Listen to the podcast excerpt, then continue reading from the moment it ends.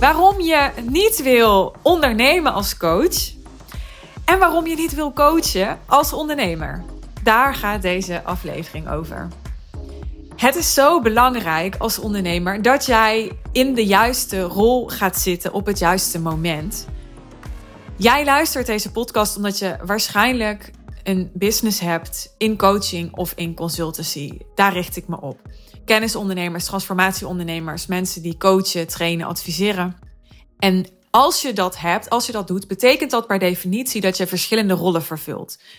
Waarschijnlijk niet alleen uh, de rol van ondernemer en de rol van coach of consultant, maar ook nog bijvoorbeeld de rol van, van manager, uh, de rol van leider, de rol van marketeer, de rol van programmamanager, zou je ook nog een rol kunnen noemen. Uh, de rol van artiest misschien, als je wel eens op het podium staat. Hè. Als ik bijvoorbeeld de High Level Sales One Day Intensive doe en ik sta daar op het podium, dan heb ik de rol van coach. Maar ik heb ook de rol van artiest. Het zijn al twee verschillende rollen op dezelfde dag. En ik ben ook die dag nog ondernemer. Dus die rollen die, die lopen heel makkelijk uh, door elkaar. Die lopen makkelijk in elkaar over. Die overlappen elkaar. En juist omdat ze elkaar zo makkelijk overlappen, is het zo belangrijk om ze wel te kunnen onderscheiden en om heel snel te kunnen schakelen van de ene rol in de andere rol. Want wat gebeurt er nou als je dat niet doet? Ik ga je een voorbeeld geven, een casus noemen.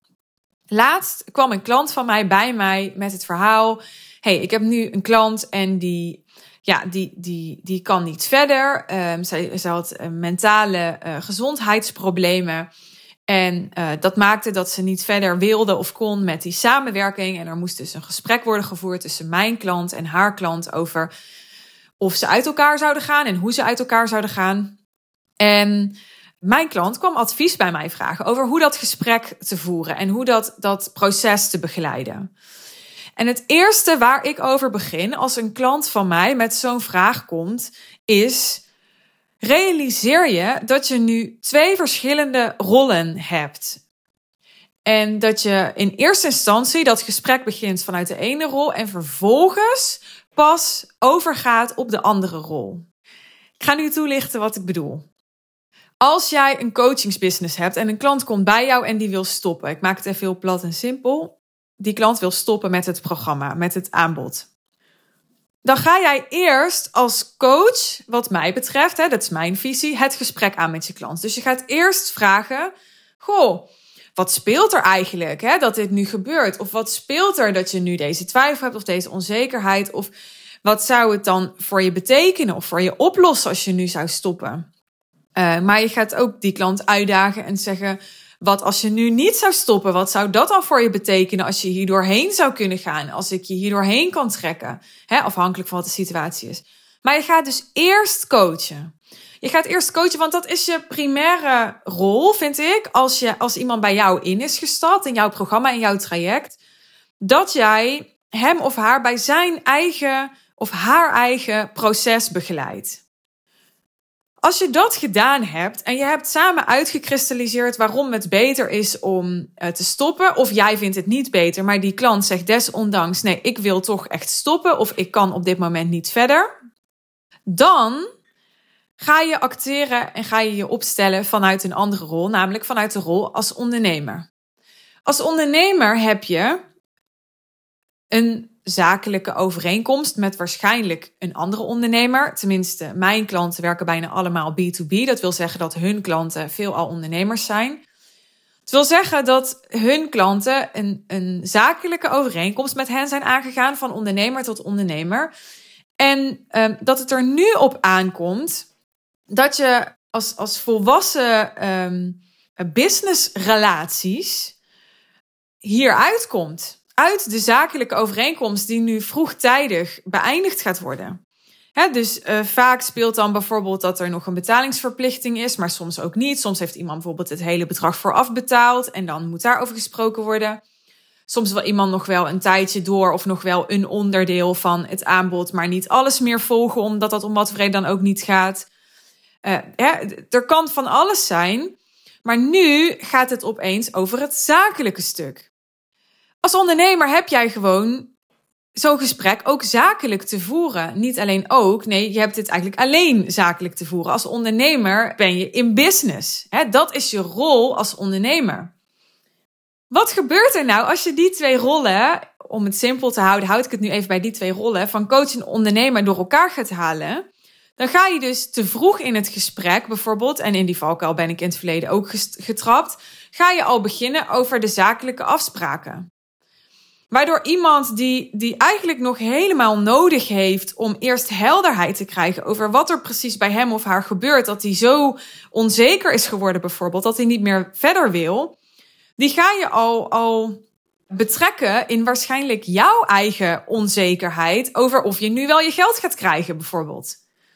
Terwijl dat is niet waar het in eerste instantie in zo'n situatie over moet gaan. Het gaat eerst over die ander. En pas als die ander zegt: Ik trek mijn commitment in. Ik wil jouw coachie niet meer zijn. Ik stop hiermee. Dan blijft gewoon de zakelijke overeenkomst over. Maar zolang dat niet helder is, dat iemand jouw coachie niet meer is, heb je in eerste instantie die ander gewoon te behandelen als je coachie. En heb jij de rol van coach in te nemen. Dus als je te vroeg dan op de stoel van ondernemer gaat zitten, dan gaat dat gesprek niet lekker lopen, want dan voelt iemand zich niet gezien, niet gehoord, niet begeleid. Dan uh, gaat iemand ook misschien wel met hele andere gedachten weg dan dat daadwerkelijk aan de hand zijn, omdat je de verstrikking die op die situatie zit niet met elkaar hebt opgelost.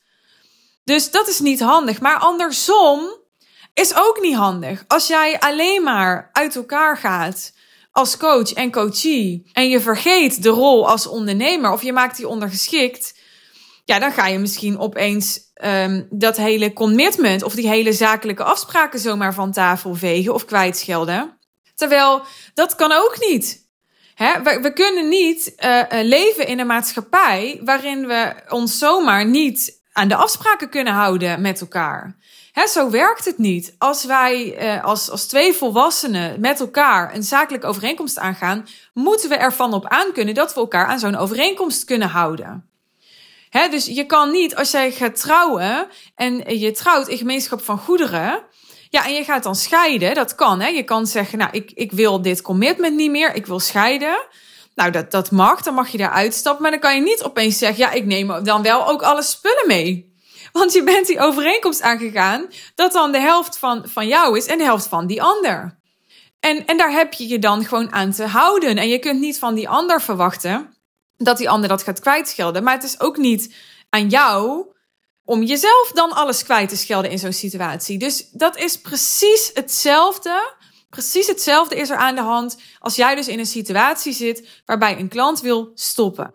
Dan heb je dus ook gewoon in jouw ondernemersrol te gaan staan. Die rol heb je gewoon te pakken, die heb je te ownen.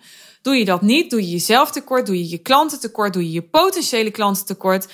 Want je laat geld lopen wat gewoon um, voor jou is, hè, waar je gewoon, um, uh, ja, ik wil eigenlijk niet zeggen recht op hebt, want het gaat in het leven niet om gelijk hebben, maar om gelijk krijgen. Hè. Dus ik heb het even niet eens zozeer over rechten. Officieel heb je er natuurlijk wel recht op, maar goed, in de praktijk werkt het gewoon niet altijd zo.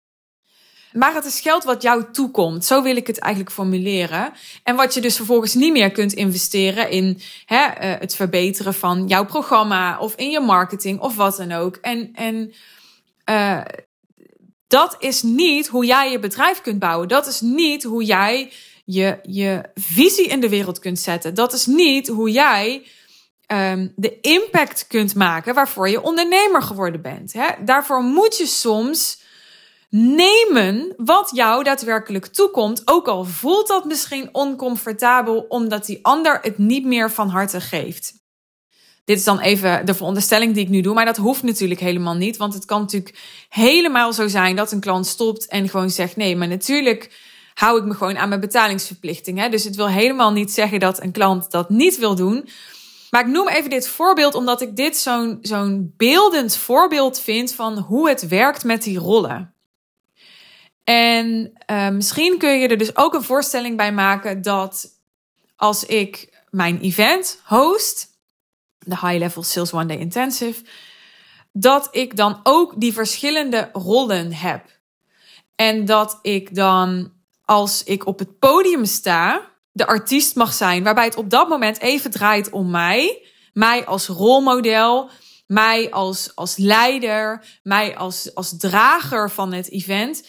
Terwijl op het moment dat ik dan even van het podium afstap en ik krijg een één op één coachingsmoment, of ik neem een één op één coachingsmoment met een deelnemer in de zaal, dan draait het weer even helemaal niet om mij, want dan ben ik even helemaal dienstbaar aan het proces en aan de vraag en aan de casus die die deelnemer op dat moment inbrengt. En als ik daar niet tussen switch, dan ga ik dus terwijl ik die klant aan het coachen ben met mezelf bezig zijn. Of juist andersom, als ik op het podium sta, heel erg met, met de mensen in de zaal bezig zijn en wat zij wel niet vinden.